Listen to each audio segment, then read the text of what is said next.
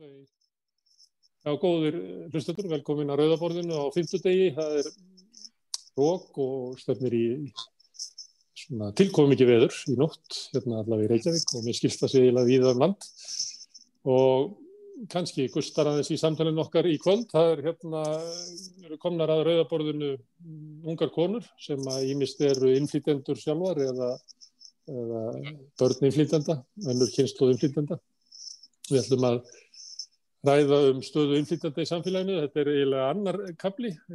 Sumar af þeim voru hérna fyrir svona um tíu dögum og þá voru við að ræða um, um, um stöðu innflytjanda og rættum um, um margt mikið um íslenskuna sem kúnatæki og hlera. Við sjáum til hvað kemur út þessu núna. En hingað eru komnar, það er Gundega Jón Línína sem er listmálari og starfsmára leikskóla en hún er líka formaður Ung ASI og er innflytjandi frá Lettlandi Hérna er Nancy Kumbakone sem er danskennari og barni innflýtenda eh, sem koma hinga frá Fraklandi en eru af afrikanskum uppruna.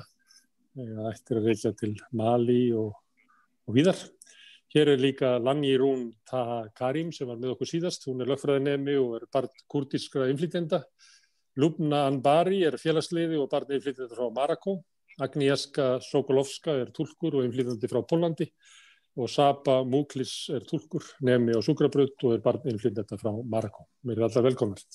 Það sem að mér langar að hérna ræða um í dag væri kannski svona staða innflytjenda í svona helstu svona stopnunum sam, samfélagsins. Vil okkur að spyrja okkur um stöðu innflytjenda í stjórnmálum og fjölmjölum, í verkefælisreifingunni og, og svona í helstu kerfunum og, og hérna við rættum svolítið mentakerfið síðast, eh, ekki síst Uh, sagði hérna, Agnieszka okkur frá barátu sinni við skólaðjúvöldi í Hafnarferði til þess að, að fá uh, viðunandi þjónustu fyrir börni sín sem ekki tala íslensku heima heldur eru til þeirra pólskri fjölsyndu. En uh, eitt af því áhugaverðasta í síðasta þætti var frásug þín Saba sem að, að því að þú kemur hingað sjóra gömul og mm, talar ekki íslensku en þú ert sett á á leikskóla í, og ert þar í, í nokkur ár. Líklega elsta barnið á þeim leikskóla. Verður til að segja okkur aðeins nánar af þessu að því mér langar líka að spurja hinnar svolítið út í reynsluna af metalkjöruna uh, Já, ég er náttúrulega kom hinga þegar ég var 7 ára árið 2007 og ég bara kundi núl íslensku. Þannig gæti ekki verið í grunnskóla bara þú veist ég var sett í leikskóla var þar bara í í tvö ár. Og bara já, kundi bara núl íslensku þannig þurfti eiginlega að vera í leikskóla í smá tíma.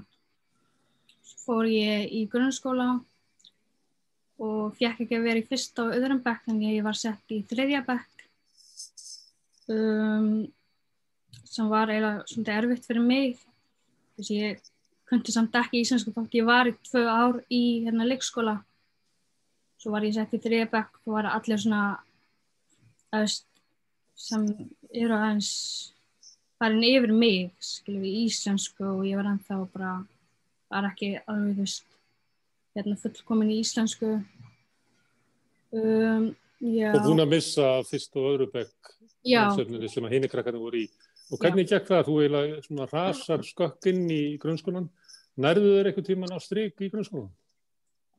Ég meina, já, ég var þú veist sett í svona íslensku fyrir hérna, þú veist, innflytt aðst fyrir hérna fólk sem kann ekki íslensku.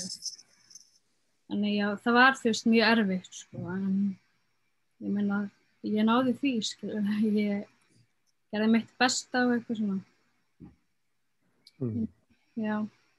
En fyrstu árin hafa verið erfið og eða, eða þú svolítið utangáta eða eitthvað? Já, það voru mjög erfið sko. Ég menna ég kundi núl íslensku þannig hús mitt eigi móðurmál og þess ég og bróðum minn voru, hérna, bróðum minn kom líka hérna uh, 2007 og hann var, hann fór beint upp í þriðja bekk líka. Hann fekk ekki verið fyrst og öðrum bekk en við vorum eiginlega báðar hérna í íslensku saman, bara við tvö sko. Ég vilti mm. læra meira íslensku og Hvar var þetta á landinu? Er þetta, var þetta í Reykjavík eða Hafnarfjörði eða hvað var þetta? Í Reykjavík. Breiðholti. Breiðholtskóla. Mm. Það sem er mikið af innflýtendum í Breiðholti. Ekki þegar ég var, eða 2007, en svo þegar ég þegar fór grunnskóla í tíunda og áttunda og svona. Eh, Nancy, hvað, hvað varst þú gömul þú komst til Íslands? Ég var nýjára gömur þegar ég kom til Íslands og ég er 31 í dag þannig það er alveg nokkur ár síðan. Já. og ég fór í sagt, uh, nýbúadild sem sagt, en ég gæti ekki verið sagt, í skóla í mínum, mínum skóla. Ég gæti ekki verið í hérna í hérna ég þurfti að fara annars þar það var ekki nýbúadild í öllum skólum. Þannig að já, ég var bara, við vorum held ég minni mig sjö saman og var í nýbúadild og, og, og það var alltaf læð þar en það var mjög erfitt að, að tengjast við krakkana í bekknum sem ég átt að vera í í raun og veru. Út af því að við vorum svolítið aðskilin. Þannig að Þannig þú bjóst í einu hverfi, fórst í skóla í öðru hverfi þar sem var nýbúadild og þar Já. voru þið einangruð þannig að þú tengdist eða hvorki uh, krökkunum sem voru í hverfinu þínu nýja í skólanum vegna þess að þið voru að, svona aðgreind frá hinn. já, þú veist það mætti gera eitthvað aðeins öðruvísi þarna sko, en, en hérna já, þannig að svo fór ég náttúrulega bara hægt og rólega inn í bekknum og hérna og, og þú veist, það gekk alveg ágætlega það bara, þú veist, ég náttúrulega er, kem hingað kann bara frönsku og þú veist að ég var með mjög uh, mikla lesblindu og það er náttúrulega er ennþá erfiðar að þá líka að læra nýtt tungumál þegar þú ert lesblind þannig að, að já, það, veist, já, það var mjög erfitt fyrir mig að tengjast krakkana þannig sé, Mm. fyrir mig. Og sérstaklega þegar ég var úlingur þannig að, Mm. að það sem ég gerði þegar ég var úlingur var bara að eitna, hópa mig saman við bara svona aðra krakka sem, sem eru sem sagt, útlendinga eða svona það sem var bara Mm. tölu enska og, og þá var ég ekki eitthvað rosalega mikið þá var ég ekki öðruvísi lengur þannig að Mm. Er, er það þegar þú komin í svona í er það Já, þegar ég, þegar ég komin í svona áttundabekk, sjönda áttundabekk þá fór ég að gera það Mm. að tengja mig við krakka sem voru líka að læra íslensku og, og þá tölum við bara ennsku Mm. og, og Heldur það var víða, sé víða þannig í skólum að, að börn innflýtjenda svona séu í sér hóp? já mér, mér finnst það mjög algengt sko að, að börn innflýtjanda og börn sem eru þú veist frá, koma annars staðar frá og hópast saman, mér finnst það mjög algengt og ég sé það ennþá, nú ég á strák sem er að vera 12 ára og ég sé það ennþá daginn dag að, að, að hérna, þau hópast svona saman. Mm. ég kannski, þú veist, hefði hefði ég fengið að vera meira í, með íslenskum krökkum þá kannski hefði gengið betur að, að- að læra íslensku en mér gekk alveg vel að tala hana en að skrifa og lesa var allt annað mál þetta var náttúrulega bara allt, allt, allt annað heimur kannski Já. Og ég spyrja því þegar horfið svona tilbaka á, á skólan, eh, er þetta svona sártími eða horfið þau til æskunar með söknuði eftir skólanum, fannst þér skólinn taka vel á mótir og þú ég heimar eða var þetta, þetta erfiðu tími þegar horfið aftur? Ég man bara rosalega mikið eftir því að ég bara svona horfði í kringum mig og ég man svo rosalega mikið eftir því að margir voru bara svona ég með mikla krullur, margir voru svona, eins og ég væri bara þetta er fyrir 20 og hvað 21, 22 árum síðan.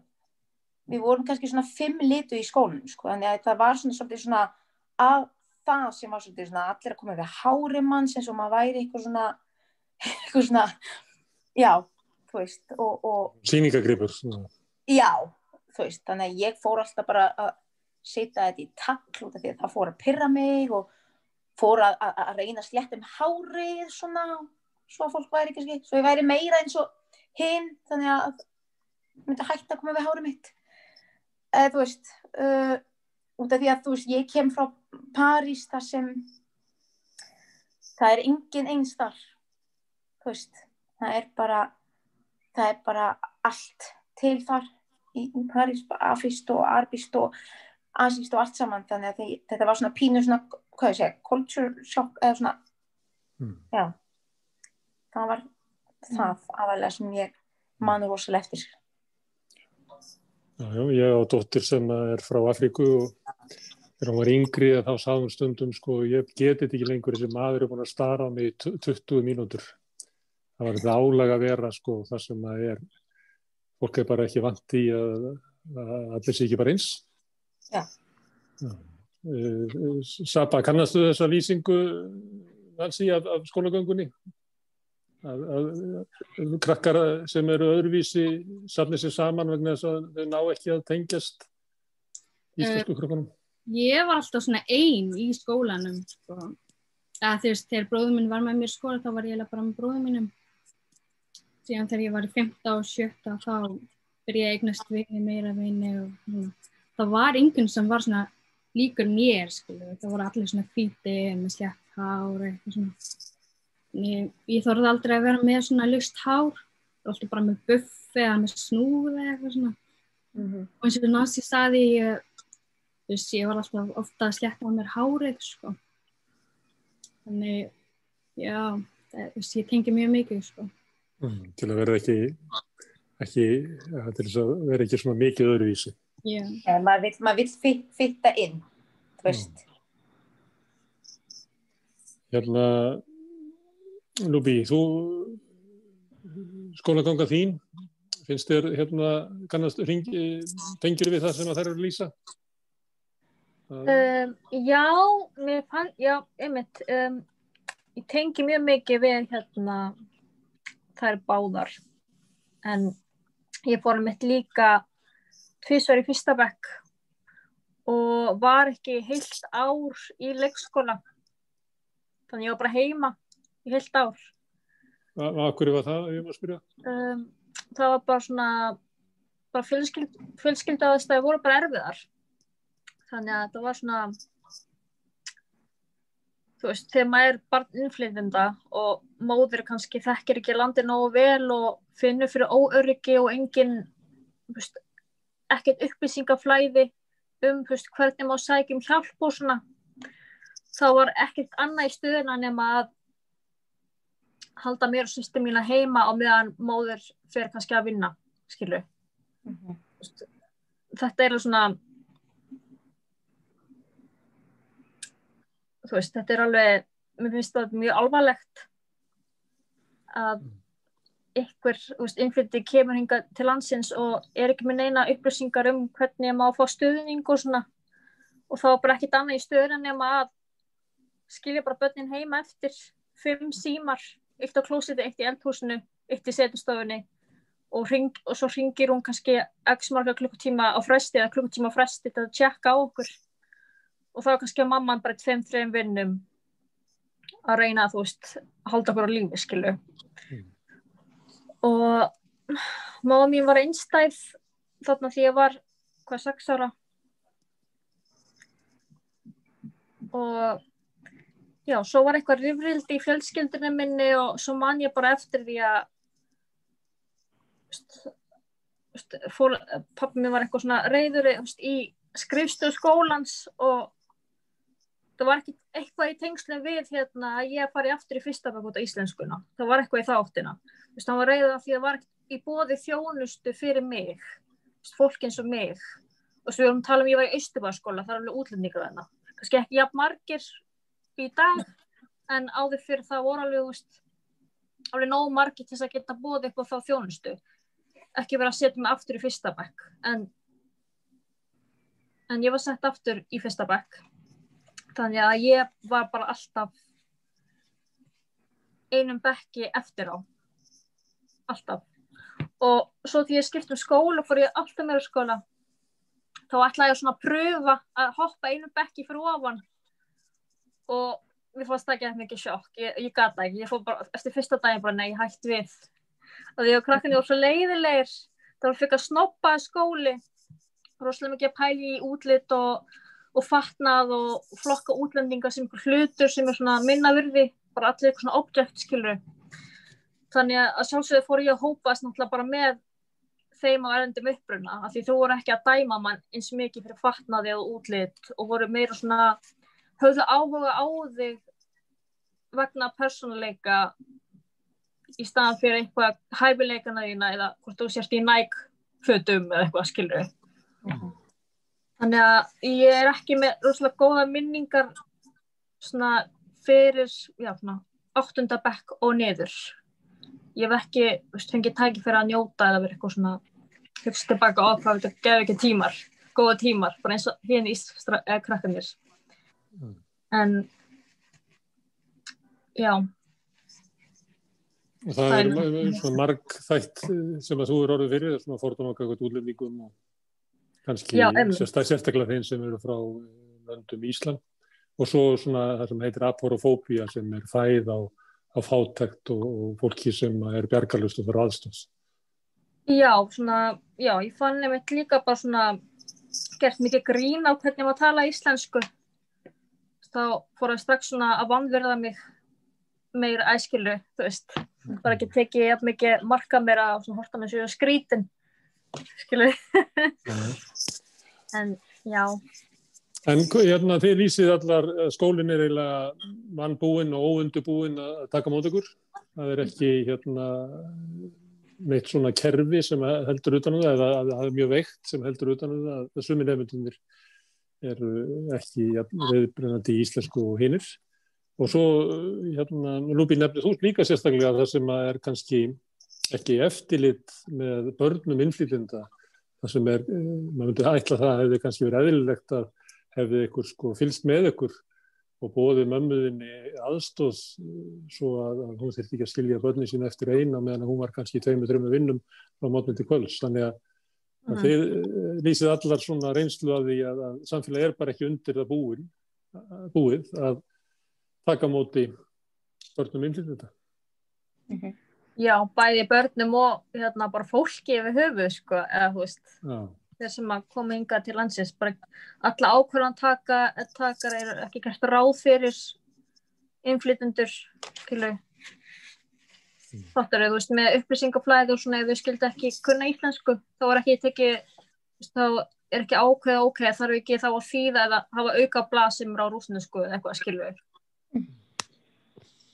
Ná Já, já, herðu, hérna um, mér langar að fara svona yfir svona nokkur kerfi samfélagsins og, og við náum því náttúrulega ekki þannig að kannski í lokin að þá byrðið ykkur að koma enga aftur á rauðuborðinu þegar við getum alltaf áfram að ræða þetta. En við langar aðeins svona þegar við erum búin að dvelja aðeins í metakerfinu og, og hvernig er tekið á móti ungumönnum bara í grunnskólum að ég nefndi þarna stjórnmál fjölmjöla verkefnisreifingu og, og Gundega þú ert hérna formaður ung ASI og, og það var tekið dæmið þarna móður Lúbi sem að verið að vinna á vinnumarkaðinum hörðum höndum eh, hvað, hvað með verkefnisreifinguna? Er hún tilbúin að taka við þessum fjölda innflytjenda? Eru þar, eh, hafa innflytjendur sömu já, möguleika á því að hafa mótandi árið þar, að sittast í stjórn, eru,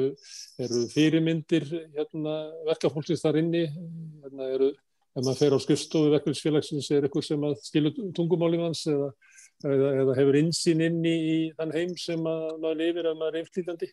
Hvernig stendur verkefnisfélagið sig, Gundeka? Sko, verkefliðsefingin er náttúrulega alltaf að reyna að gera sér besta til að taka á móti þessum hópum.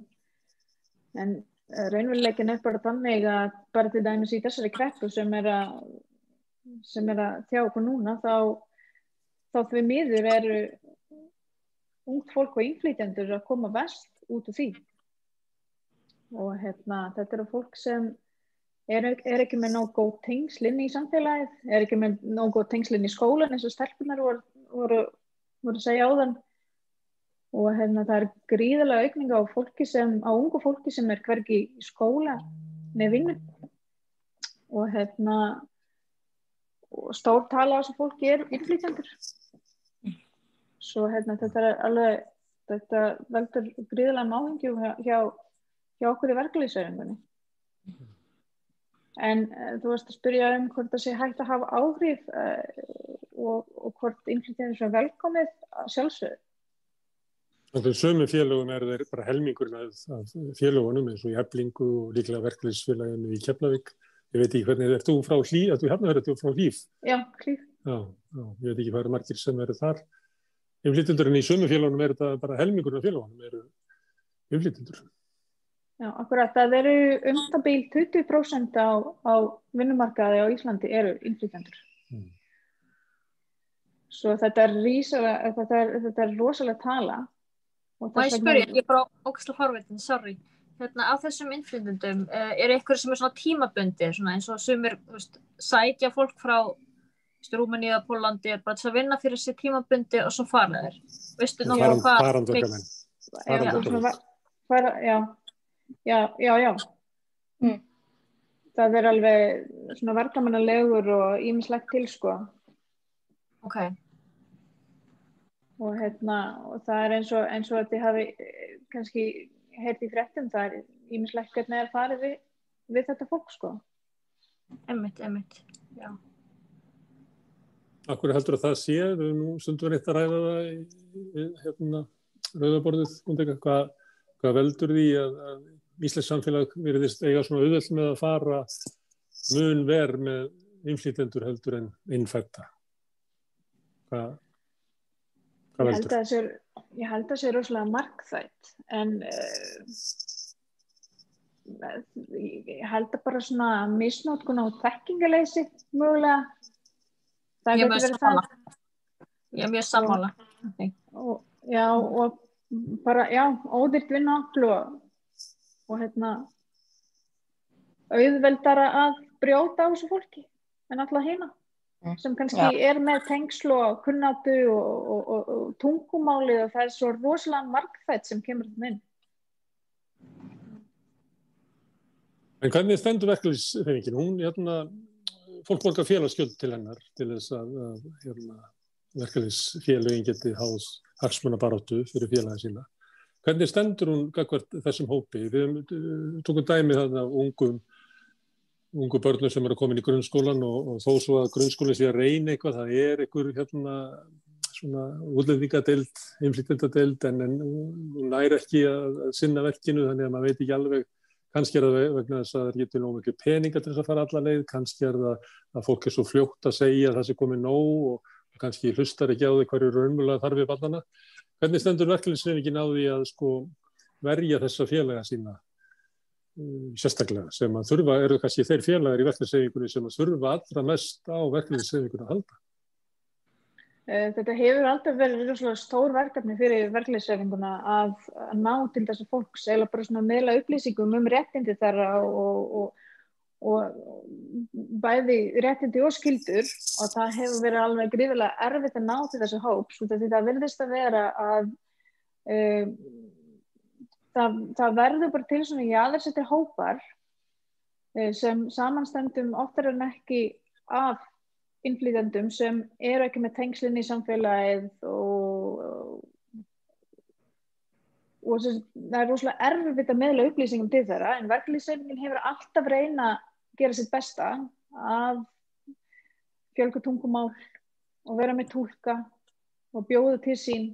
Ég held að verkalýsreifingin hefur alveg staðið sig ágætlega í því en ég held uh, jafnmært að það er ekki, það mun aldrei vera leist bara með verkalýsreifinguna. Þetta verður að vera samspil margra uh, stofnana og samþaka þess að geta tekið að fullu krafti á móti þessu fólki sem er að koma yngad. Samanlega því, já. En má ég, spyrir, má, ég, já, má ég kasta svona bara fram í hópina því að, að, að Gundega nefndi það að, að kreppan sem er að skella á samfélaginu núna leggst harðast á ungt fólk og þau eru allar ungar á konur og þau eru allar konur og innflytjendur og þau eru all, all, allar innflytjendur. Verður þið varfið að þessi kreppa að fólk sé að missa vinnuna að það sé svona ja, erfiðari tímar? Mm. Já. já, já, ég veist líka bara uh, kannski ekki veist, frá manni sjálfri en þú veist, maður er náttúrulega með síma og það er uh, þú veist, vísir og Facebook og allt þetta þannig að maður tekur eftir meiru veist, þar Já, svona í þínu umhverfi. já, já, nákvæmlega að, mér finnst það, Mm. mér finnst það Má ég spyr- spyrja ykkur hinnar, Núbi? Verður þú varfið að það sé kreppa, komið kreppa? Sko, bara svo að skilji svona miða við mína lífsögu. Allar ákvæðanir sem ég tek eru teknar fyrir örgisástæður. Bara, veist, frá lífi innflytenda og svona. Þannig að ég er að vinna til dæmis, veist, ég veit að ef ég sækjum Reykjavíkuborg, þá er mér örg að vinna, af því þetta er umvinnastarf. Og þessna er ég skilur, ég er ekki að vinna í yngar ekki fyrirtæki, af því ég veit alveg að þau geta roskast með manni eins og þau vilja. Þannig ég finn ekki fyrir höggið og ég er heldur ekki að leia. Ég veist, sefa ónýtu húsnaði sem að veist, engin notar, bara gólfinu skilur í dínu. Og þannig hefur lífið mitt bara verið svona snú og stumma mitt að finna ekki fyrir neina högg, af því ég veit að þetta högg lendir verst á fólki sem eru innflytjendur eða, þú veist, hafa ól- ólst upp með hérna, foreldra sem er innflytjenda. Þannig að ég persónulega finn ekki fyrir höggi út af því að ég er klár, skilur. En, en fólkið í kring, en, fólkið, fólkið í kringu þig, en fólkið í kringu þig, Núbi. fólki í kringum mig. Um, já, þú veist, það er alveg einhver er búin að missa vinnuna, sko. Mm. Og alveg stressaður og svona Mm. með allt saman. Mm. Um, mamma mín er örski. Hún hefur smá áhyggjur. Mm. og ég var einmitt að segja um daginn, bara horfði á hérna selðisina því hún var að borga húsið sitt og, og fekk eitthvað tár í augun og saði sko hún hefði verið löngu búin að borga húsið ef þetta kerfi var ekki svona gallað af því þú veist við erum að borga miklu meira út af vex, vöxtum og eitthvað svona kjátaði skilu Mm. en já það er svona Það, Eina það, sem- því maðgu, það hefur verið kreppa hefur ykkur maðgum árum og áratugum saman, þannig að það kannski Já, ekki svo mikil breyting. ekki, nei ekki svo mikið breyt, nei, einmitt það er búið svona Mm. Saba, má ég spyrja þig hvort að þú verið varðið kreppuna? Hvort að fólk í kringu þig sé að missa vinnuna eða þú verið varðið að sé erfiðar í... Ég lengi sem er að missa vinnuna sína út af þessu sko, en það eru örgulega mjög margir sko, en þess, það er ekki mitt experience. Það er Nei. þannig. Allt í lagi.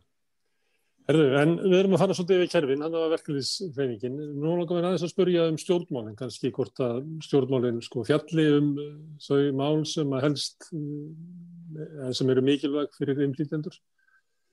Líka stundu þeirra að vera að velta fyrir svona kerfum og við getum talað um hérna mentakerfi, hvort það séu nógu margir kennarar sem eru innflýtendur.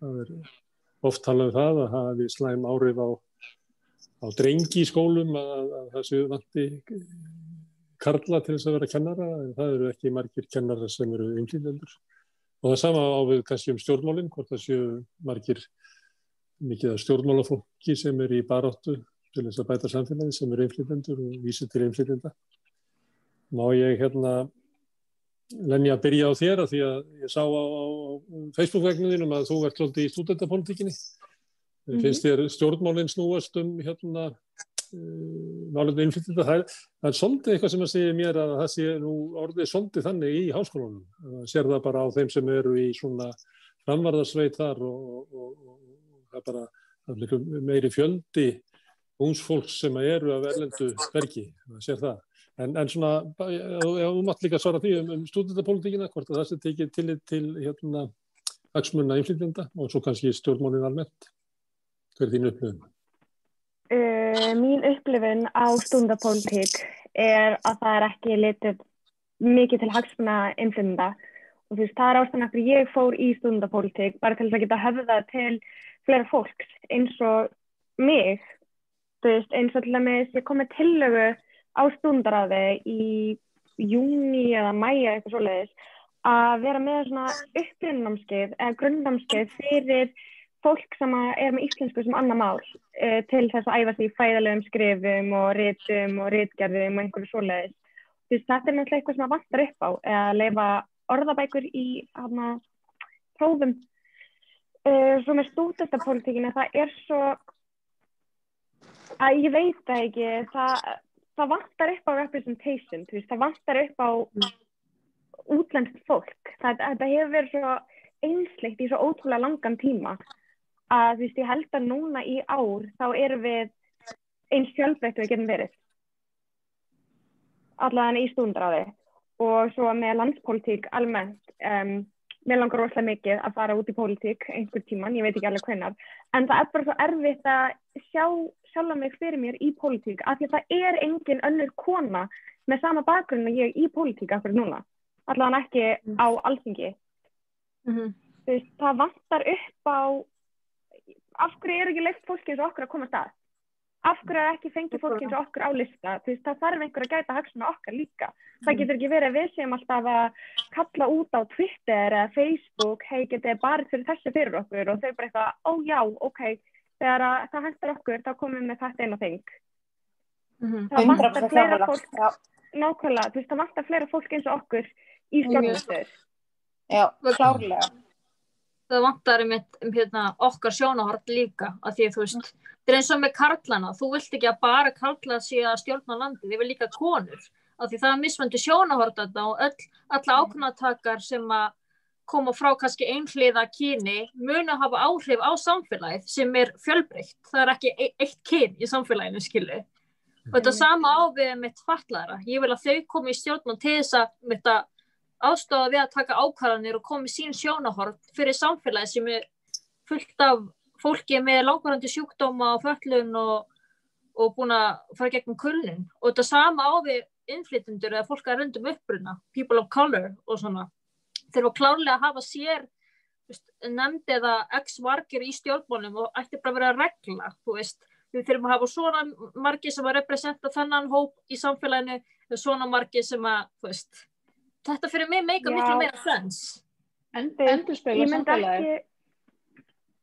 ekki ég myndi persónulega ekki vilja eitthvað svona kvótakerfi eða neitt svoleiðis, þú veist, mér finnst það bara að vera svo sjálfsvægt mál að vera að fá innflyndir eða fólk af erlendu bergi brotni í pólitík núna, af því að, þú veist, ég teki eftir því að tíðarandin er búin að breyta aðeins, það er verið að taka meira með að hagsmunum innflynda og, þú veist, bæta réttindi þeirra, en það veit enginn hvað við þurfum eins vel og við vitum það sjálf. Nákvæmlega. Það veit enginn. Lúpi nefndi Hæ, byrjaði. fallaða fallað örgja þegar hafa slagorðið ekkert um okkur án okkar sem er að, að hérna, við viljum ekki sé vera að ræða um okkar hagsmunni á þess að við séum komin að því. Hún, hún nefndi líka að, að það er ekki hægt að láta kalla vera að ræða um kvennamál og sér maður fyrir sig sko, mynd sem að stundu byrtist að kvenna ráðs, ráðstöfnu um málum við kvenna í Sáti Arabíu þar sem að sátu bara karlar. Er það svona upplifun ykkar að þeir vera að tala um málefni innflýfenda að það séu bara innfættir sem að sitja við borð og er að ræða um hvað innflytjendur vilja og hvað þau þurfa? Já, Já, og ekki, ég er svo stundum ekki þreytt á takt. þessu. já, sorry. En hérna stundum við ekki takt við alvarleika málsins og hluti sem eru ótrú- ótrúlega alvarlegar og þá eru ek- ekki tæknar alvarlegar af því að þetta er ekki þeirra hagsmunir skilur upp ekki Já, Vist, eins og með þetta er með að, hérna, að mjög mikið brottfall í mentaskóla eru innflytjendur og það og, skilur, þú veist, það er mjög alvarlegt Mhm. og það er ekki eins og tekið alvarlega í fréttanum, það var ekkert rætt um það sérstaklega alveg á bara sínt álega málsins skilur, þetta er, þú veist, þetta er ekki bara innflytjendur líka barninflytjenda Mm. þú veist, ég vil bara innflytjendur já, og ég spyrir ykkur, Þetta er munið eftir, munið eftir því að það hafi verið rætt um hérna brottfall uh, úr framhalskóla og að það séu að hluta til vegna þess að meira brottfall meðal barna innflytjenda. Munið eftir því að innflytjendur hafi verið að ræða það mál ofenbæla. Nei. Nei, og ég er að vinna í spretti núna, ég er mentor þar og því það er einmitt til þess að minka brottfall innflytenda eða barn innflytenda í mentaskólum og koma þeim þú veist, í gegnum mentaskóla næstu fjögur árin og í háskóla. En ég hef aldrei heyrt neitt innflytenda tala um það að barnið þeirra hafi hægt í hægt í mentaskóla. Þetta gæti alveg verið raunin en af hverju eru við ekki að fá neina rödd? Af hverju fáum við ekki að tala um okkar málefni? Þú veist, Mhm. okkur vantar stórt plattform af því að við erum, þú sagði þetta senast að við komum, hvað, 15% þjóðarnar? Já, 20% vinnumarkaðins, 2% í háskóla. Nákvæmlega. Þetta er stór prósenda, sérstaklega á Íslandi. Mm. Og akkur er þessi krakkar sem eru að flosna upp á skóla núna þegar, þegar kennslega í framhaldsskólum og háskólum er að fara mestarlega fram í hérna, fjarnámi. Það er þau lenda í tungumál erfiðleikum og, og, og erfiðleikum til þess að hafa samband og byggja um aðstöð hjá skólanum sínum. Þetta, þetta er rísalega stort vandamál og þarna setjum við upp með fólk sem mun taka langtíma afleðningir á þessu allir. Svo hérna, Mm. þetta er eitthvað sem, sem þarf að grípa í. Mm. Agnieszka, þú ert á, á politík. Hérna, Já, herðu, Sérðu að- þess, já. eru margir innflytjendur sem eru að tala máli innflytjenda í stjórnmálaumræðinni? Herðu, við erum bara tólur í skýrslum. Það er bara þannig. Þú veist, út af það eru að koma eins og þessi skýrsla mynda málastofnunar sem þú varst búin að nefna og ég líka. Mér finnst að það sé ekki búin að tala við fólk, veist, við, við, við, við neinar personur út af uh, stofnanir á Íslandi elska tólfræði. Og við erum bara svona punktar í tólfræði fyrir, fyrir þetta fólk og þó að það, þú veist, það var áhugavert og, og, og vakti pínu áhugli hér og þar, hérna, að hérna, þessi skýrsla um, já, um stöðu uh, barna á bröndum úbruna og brotfall þeirra, þá Já, það er ekki mikið sem fylgdi á eftir en sérstaklega það mér finnst og þetta er mín upplifun út af ég er pínu svona aktiv við þessu og ég þurfti alveg bara að sparka í hurðina og ég þurfti alveg bara "Ah, nei, nei, nei, sorry veist, en ég er bara ein og ég ég var að hugsa á hagsmuna barnana mína og framtíð þeirra en, en málið er að þetta er eins og mér finnst stundum að hérna, stjórnendur í þessu landi eru að tala um innflytjanda og skrifa skýrslur um innflytjanda e- e- eins og við værum hlutir.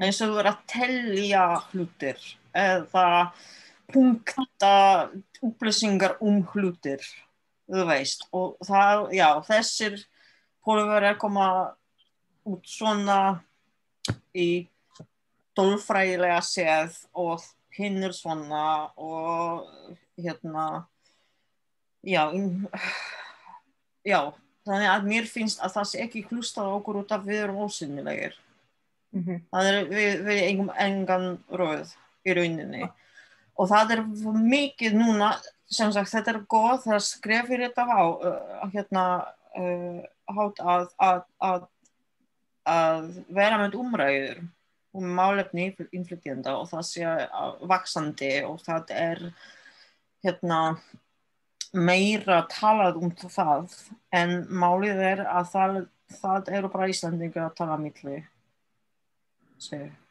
milli sín. Sín, sín á milli um innflytjendur og sín á milli um eitthvað sem, sem já það er pínu, það, það er mín upplifun og mín sem er skoðun álíka og- gáfulegt samtal og hlusta á gammalt fólk vera að tala um ung, unglinga eða. Já. Þetta bara, Já, og karla tala um konur og allt hitt.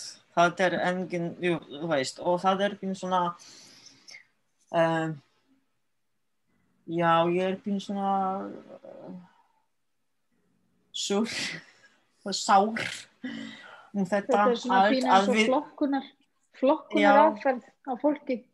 Já, það er þannig og það er líka stundum að þegar það er vakin á, að, að á þessu, það er leitað eftir andliti, bara til að setja einhver andlit innflytjanda í bladagrein, en þá er þetta bara þetta andlit. En það eru er hinnir að tala, það eru hinnir að tala fyrir okkur og, og þú veist, ég mann, ég mann hérna það er dæmi fyrir nokkrum árum það var ráðin fyrsti hérna pólskumælandi þjónustu fulltrúi Hafnafjörðarbæir og þá við erum með svona uh, litla vikublað hér í Hafnafjörði og þá byrtist þetta í blaðinu og líka á vefsíðunni Hafnafjörðarbæir og þá var bara já, já, já, við erum svo stolt og ánægt að sé ráðin þessi fulltrúi pólskumælandi og það fylgdi mynd og það voru allar konur hérna sem, sem sagt það eru bara konur en þetta voru, voru þetta allir þjónustu fulltrúar hafnahörðarbæjar en málið er á að vefsíðunni það stóð, stóð neinstadar hvað heitir þessi kona það var bara pólskumælandi þjónustu fulltrúi og það var bara allt það var bara einhver fulltrúi og það er bara hafið og svo góð í þessum fjölmenninga málum að það sé búin að ráða fulltrúa en okkur er nokkuð skilsama hvernig hún heitir og við ætlum alls ekki að láta ykkur vita, veist þetta var bara býna svona bara pínum að gleyma hún sé manneskja einhvern veginn. Já, já, þetta var eitthvað og já, mér fannst þetta vera svona virðingarleysi bæði gagvart uh, hérna uh, hennar og líka pólverja sem Já. þú veist út af Já. það sko uh, veistu hvað þetta, ég sendi svona ábendinguna á Hafnarfjörðarbæjar tveimur árum setna að það væri gott að setja nafnið hennar einhver staðar á síðuna. Hún var hvorki á listanum. Allt sem ég fann var þessi grein og þessi svona já. Og En þetta er ég, svolítið, ég sést þetta svolítið oft þar sem þú ert já þetta er mjög dæmilegt. Að, að- að já, eins og í, í skólum til dæmis eh, þú veist, eh, kannski einhverju, pólskbönn eða eitthvað þá er alltaf pó- pólski strákurinn, þú veist. En pólski Já. strákurinn heitir eitthvað eins og, eins og veist, Þórir heitir eitthvað. Þetta, mér finnst er þetta líka mjög algengt. Já, þetta er það og mér finnst þetta eins og þessar svona American football uh, svona lið sem eru alltaf með eitthvað svona maskot sem er í svona búningi. Stundum finnst mér að, að já, þegar það er stjórnendur bara á, á öllum sviðum hér á Íslandi eru að þegar það kemur til innflytjenda og svona fjólmenninga og allt þetta er þau eru að, að leita eftir svona eina svona búnings mannesku sem hægt var að setja einhvers staðar á vefsíðu og segja ha, já horfið á okkur, við erum svo góðir og duglegir að Eins og vera svona inclusive. En þá er bara þessi mann og, og þe- þetta dugar fyr- fyrir næsta næstu tvo ár Mm. en það breytist, það kemur ekkert með Nei, en það tengist kemur ekki nógu mikið Þetta tengist innflytjendum ekki neitt, heldur þetta um það að einhverja stofnanir eru að að uh, líta betur út gagvart já, Þetta- já, þetta já. er ekki hagsmunni okkar sem þau hafa í huga þetta eru bara svona já, hvernig þetta lítur út Mhm. Já. Svona skreiting eins og, svarti maðurinn uh, fyrir aftan Já. þegar hann halda ræðu. Er. Heitir tokenismi, já, heitir það á ennsku.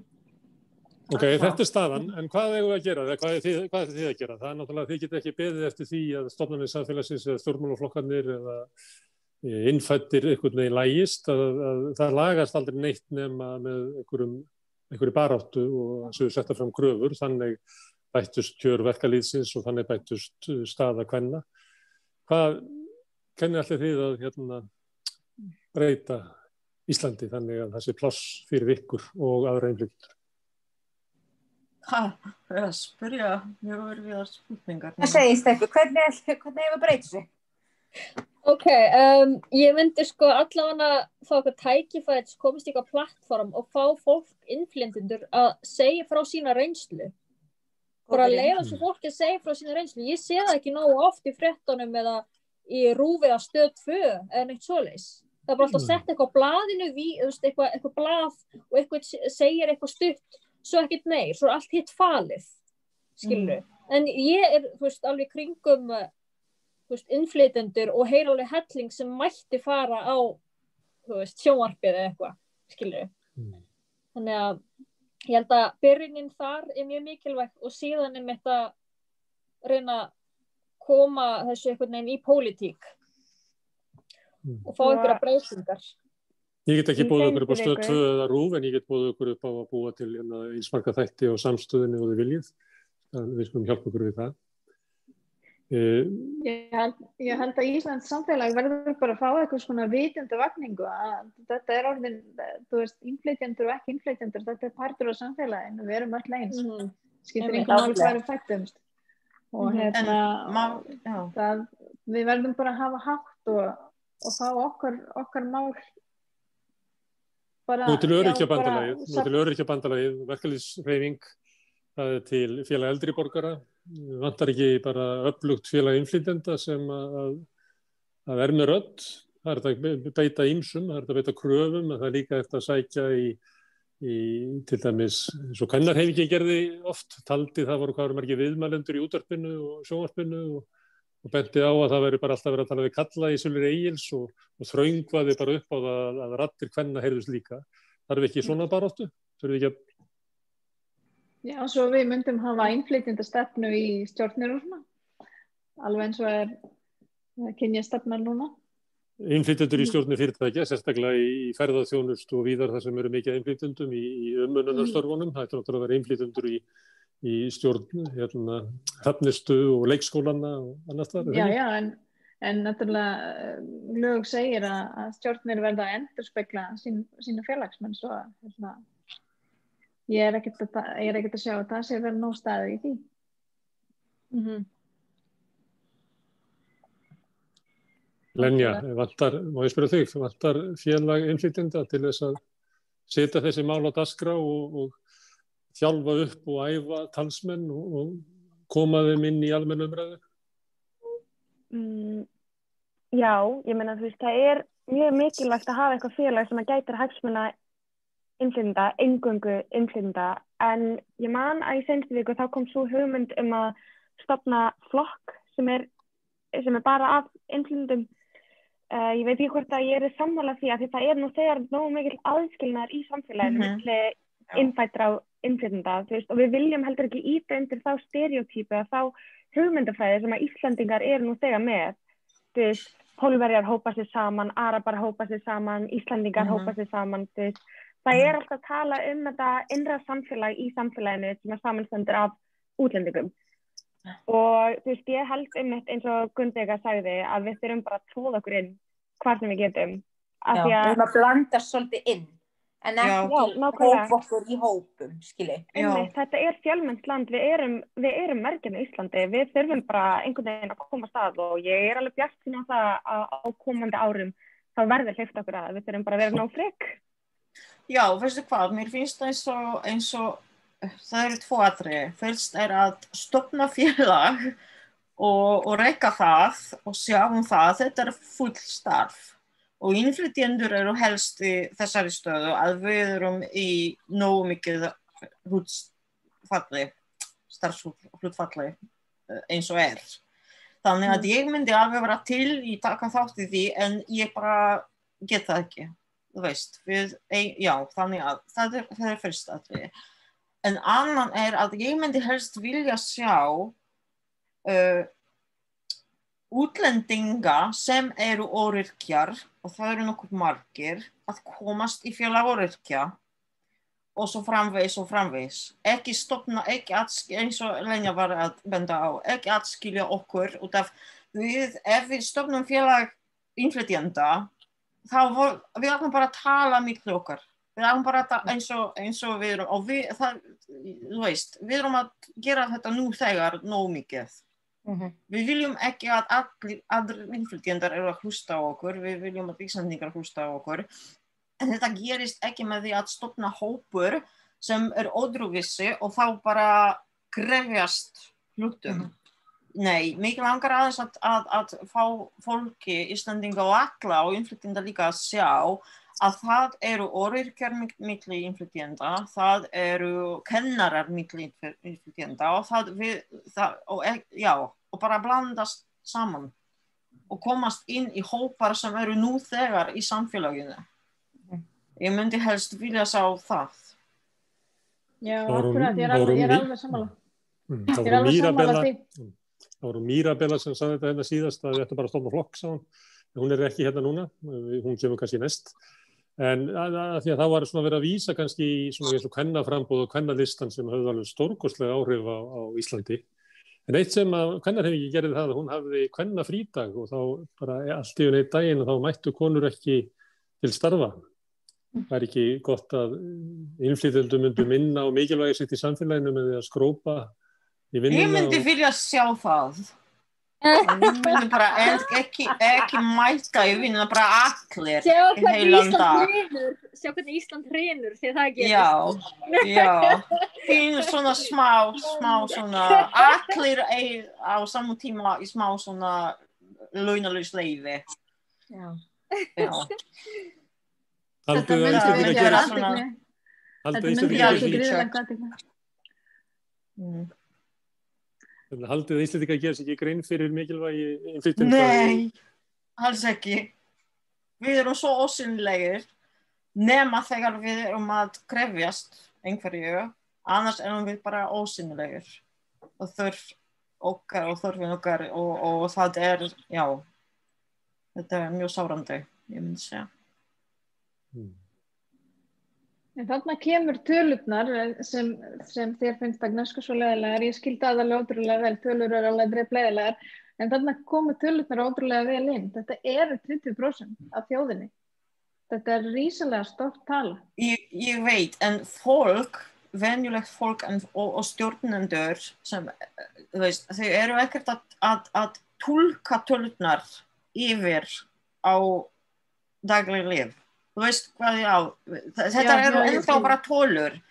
Og ef, það er enginn sem allar að bara, að, þú veist, ef við varum öll svona 20% fórum á sama stað á sama tíma þetta, þú veist, veistu hvað ég á við? Þetta, þetta myndi vera sýnilegt. Og þetta myndi kannski láta fólki að að gera sig grein hversu margir við erum og hversu mikilvægir við erum. En Alveg, Þessi- þessi tala, þú veist, aðeins Mhm. tala þetta, seg, þetta gerist neitt það segir, það segir mikið en samt það gerist ekki mikið út úr því Hugsaði hvað myndi gerast að við myndum 20% af þjóðinu myndi leggja niður starfi í, í tvo og halvan tíma á dag. Bara Já. eitt dag ári. Þetta, já, Já. þetta þarf ekki að vera heil dagur. Bara alveg, alls ekki. Þá myndi kannski þessi tala, þú veist uh, já, þýða aðeins meira en á papir En hvað myndi gerast? Heilbriðskerfi myndi nötra, leikskólandi myndi loka, og já, skólakerfi, leikskólar. Hjókurunarheimilin, uh, já, rætu hætt að veistu, ganga. veistu hvað? Ok, allt myndi grunast núna út af sótvarnir og þrýfun og allt þetta, allir stofanir, spítali, allt þetta, þetta er þreytt af innflytjendum. Það eru næstum við, ég myndi segja 80% starfsmanna í, hjá, hjá uh, þessum ræstinga, ræstifyrirtækjum eru innflytjendur. Og á tímum COVID, ef allir myndu bara ekki mæta í vinnuna, þá gæti enginn unnið. Nema af einhver þjónustufulltrúi eins og ég myndi bara sprauta allt sjálf og þú veist. En- Þú getur það ekki að segja að þú væri líka í verkvæli. Já, já, ég myndi vera þar, en, en já, þannig að, þú veist, og þetta fólk sem er að þrýfa allar þessar stofanir, þetta er sama fólk sem er horft bara alveg niður á. Og þetta er þetta ósynileg fólk sem er bara þar, þú veist, að þrýfa í hörninu. En það, eru þó nokkuð margir. Þetta er frontline workers. Akkurat. Þetta er það sem þetta var kallað í fyrstu bylginni, frontline workers. Þú veist, af hverju er en- ekki, af hverju er ekki kunna meta það meira? Já, en málið er að þegar þú er að Íslandingar og allir myndi ég segja eru að hlusta, eru að heyra frontline workers þá eru þau helst að hugsa um uh, hjúgrunafræðinga og, og lækna og svo framvegis og ekki um fólk sem er að þrýfa á spítalunum. Þetta, gleymist. Mm. Já, akkurat, ég er alveg samanlegar. Þetta, þetta fólk gleymist oft. Mm Herðu, hérna, Lúbi nefndi fjölmiðlana, sá fyrir sér að það væri að hafa þætti um og, og sem verið búinir til að innflytjandum á rúf eða stöðtfu eða eitthvað starf. Hvernig finnst ykkur hérna innflytjandur byrtast í, í fjölmiðlum? Eru þeir sem að lesa fréttinar eru náttúrulega allir innfættir og, og það eru ekki margi fréttamenn sem eru innflytjandur. Þeir eru ekki oft viðmælendur. Það eru oft verið að ræða um álefnu þeirra eins og komið fram ekki bara í skýrstum og svona, þetta er líka í fjölmunum. Því að, að, að Lúbi nefndi þetta, þá er mikið talað um, um Íslam og, og fleira og maður sér aldrei hérna, fólk sem er Íslamtrúar eða kemur frá þeim svæðum heimsins taka þátt í þeirra umræðu. Það er þarna verk að vinna að, að fjölmiðlarnir sem eiga að endurspegla samfélagið sem þeir eru gefnir út í að þeir endurspegli nái hérna, líka að endurspegla einhverjum Já, mér finnst það klárlegt að ráða inn fleira fólk sem að, veist, eru að ólíkum bakgrunnum að taka þátt að skrifa mitt í fjölmiðlum og, og taka þátt í umræðum. Eða þú veist allavega kallað eftir þeim hvort að þið vilja taka þátt, lýsa eftir, herði við, við viljum kannski eitthvað þennan uppruna til þess að koma og taka þátt í umræðu og segja sína skoðun eitthvað svoleiðis og það er aldrei Mhm. gert. Það er bara að tala fyrir hönd þeirra og, veist, og ég er ofta ekki ánægð með hvernig þeir fjalla um eða fjalla ekki um hluti sem ég hefði vilja koma fram skiljiði Vist, ég er nýbyrjuð að sjá til dæmis er ekki einhver borg auglýsa eftir arabísku mælanda það kom mér rosalega óvart og ég var alveg frekar glöð ég bara, vá, það er að vera að kalla eftir fólk með, þú veist Já, það er alltaf eitthvað það er einhver útlendingur. Já. já, já, þú veist, eina sem ég Mhm. segja er bara eitthvað svona neikvætt um útlendinga skiljuði það orðalagi í fréttum í headlineum eins og til dæmis það er að þú veist, í annari bylginni í COVID greiði rúmunarnir þú veist, það var bara headlineið allstað rúmunarnir smituðu annað fólk þú veist, það var eitthvað sem ég hafði að setja út á bara þú já, veist, það er aldrei sagt eitthvað að Björn út í Björn frá Garðabænum var að smita fjóra í kringum sig þú veist, Já, það. smituðu reykinga, þú veist, Einmitt. já. Það er mikið mismunur. já, maðurinn sem að gerði þetta er frá þessu landi eða konan sem að breytt hérna er frá þessu landi, veist, það er alltaf tekið fram þessu auka atriði sem að koma málinu ekkert við. Ekkert við. Þetta er bara það sem að fólk vil sjá, held ég. Þetta, þetta er akkurat þessi flokkun, þessi ósálfa flokkun sem, Mm. sem að verði fyrir, sem er í Já. rauninni alveg óþarfa. En líka frásögn, þú veist, það er þannig að þegar talaður um, um mjög svipaða hérna, stöðu eða veist, atvek sem hafði sér stað og ég veit ekki, það gæti verið jákvæða neikvæð, skiptir ekki máli, en í fjólmiðlum það er talað að Jón Jónsson sem á heima í Garðabænum ba, ba, ba, og er uh, trésmiður og bla bla bla hann hafði gert það og, og hitt og þegar alveg sama saga myndi vera sögt um hérna útlending þetta myndi hljóma uh, já, innflytjandi eða útlendingur eða rúmenni eða pólveri þarna, þarna gleymist nafni hans. Mm já, hann er ekki lengur manneskja. Hann er bara einhver svona já, fulltrúi einhverja hópa eða ég veit ekki. Ég veit ekki hvernig þetta Þetta er svona af mennskun að þú ert að klæðan úr Já. mennskunni og kalla hann hlut. já, já, það er það. Og það er allavega neikvæð það sem byrtist í- fréttunum um útlendinga sérstaklega núna. Það er pínu svona já, glæpamenn eða rúmur sem eru búin að smita 5.000 mann, ég veit ekki, þetta er bara fáranlegt en mál, það er aðmál er, er hérna það, þar sem ég er búin nokkuð að tala ítrekkað um er íslenska. Það, það hérna, uh, já, ég hef ekki heyrt um neinn frettamann eða bladamann sem myndi vera af erlendum uppruna og ekki bara innfæður Íslandingur.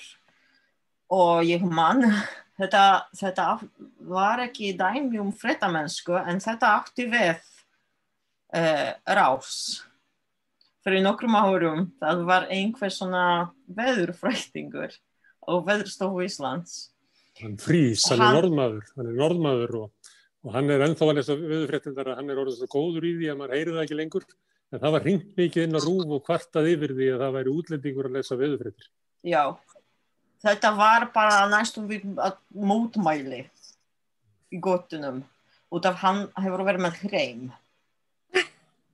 Já, ég er ekki að grínast. Já. En það var líka, það var líka hérna þegar hérna, það verið að telja stíin í Eurovision uh, þegar, uh, uh, nú mann ekki hvað, hvað heitir hann sér? Hann er blandaður? Logi? Já. Nei, já, Logi, Petur. Það var hann að te telja þess að stíin fyrir, fyrir Eurovision, fyrir hönd Íslands og nú er hann ekki sem er heimur en hann er með lit. já, já, já. Og það var alveg, það var alveg, já, fólk alveg hafði margt að segja þá, sko. Mm -hmm. Sko var ekki, ekki engin alvor Íslandingur til að gera það, þú veist, já, ég meina, oh my god. Já, þetta er býnum svona dæmi, þetta er svona, mér finnst þetta að vera glerþak.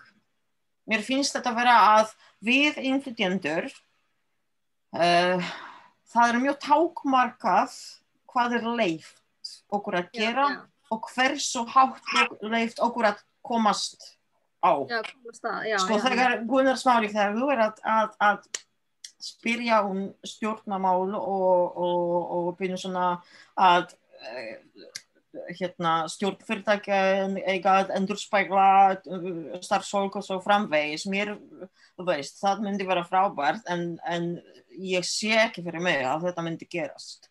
Út af við erum ekki leift svona há þú veist, við erum ekki nógu góðir. Og þetta er kannski ekki persónulegt þetta á ekki við okkur persónulega. Út af sem sagt við erum bara einhver svona nafnlaus hópur þetta á við að við séum ekki eins og innfæðir. Og þetta á líka við býnum svona uh, þörf Íslandinga til að, að verja sig. Að við verðum að vera með svona betra vinnu og betra starf og allt þetta fyr, fyrir okkur. Og þetta, þetta er ekki sér íslensk þetta er bara allstar En við verðum bara, við verðum bara ná frekar, við verðum bara, bara fyrir okkur, svo einhver rætt heyrist, þá Já. verður eitthvað vera ná frekur. Það breytist ekki nema með baróttu. Það er hérna. Já, ég er sammála. Ég veit ekki hvernig Íslandingar eru í rauninni að skilgreina bárættu. Ég er austur-evrópsk og bárætta í okkar. Það eru konur í Pólandi í bárættunni Já. núna og ég er að byggja eftir að einhver brennist. Þannig að þú veist, það er bínu svona, já, en, en já, það er, svona, Ag- Agnieszka, má ég spyrja um það svolítið. Nú er hérna, nú eru konur í, í Pólandi, uh, margar konur í Pólandi að, að berjast gegn þessum uh, að vera að þrengja þungunarofi og valfrelsi kvenna. Þetta er klassíst kvennréttindamál, uh, klassíst barátumál rauðsokkan á Íslandi og kvennarhefingarnar síðastu 50 ár. Hafið þið pólskar konur á Íslandi fundið fyrir stöðningi sko, svona feminista hreyfingarinn á Íslandi við þessa baráttu? Já. Upplifur þau að, að þau gerir þetta sinni baráttu? kannski ekki sinni bar- baráttu, en, en uh, já, þessar konur eru að styðja okkur. Þau, já, það, ég tók, ég, ég Mm. tók eftir því. Þannig að það getur verið að til dæmis í kvennabaráttunni sem er svolítið háði að vera með sko breiðan hóp þar sem er alls konar konur að berjast saman. Að kannski er sko, hvað við segja, lækningin fljótari á, á slíkum stöðum heldur en kannski í stjórnum fyrirtækja eða öðrum stofnunum samfélagsins. Kannski er auðveldur að ná einhvern veginn í gegnin í verkefliðsreifingunni sem hefur verið að berjast fyrir hinn að lagslaunu og hinn að kúðu, kannski er betra ná árangri inn í örkjabandalæginu og það er svona staðir í samfélaginu sem að kannski er líklegra að, að svona þessi uh, samtaka máttur innfættra og innflytenda geti myndast.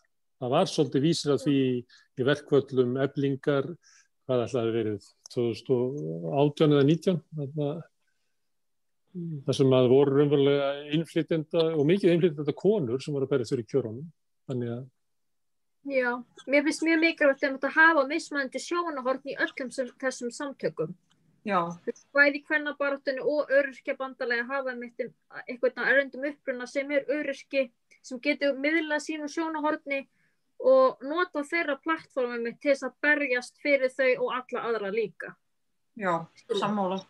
Já, ok. Herðu, hérna tímið flýgur. Ég ætla nú að byrja ykkur að koma hérna aftur eftir svona viku eða tíu daga. Ég hérna, eh, lofa því að verður áframhalda þessar umræðu.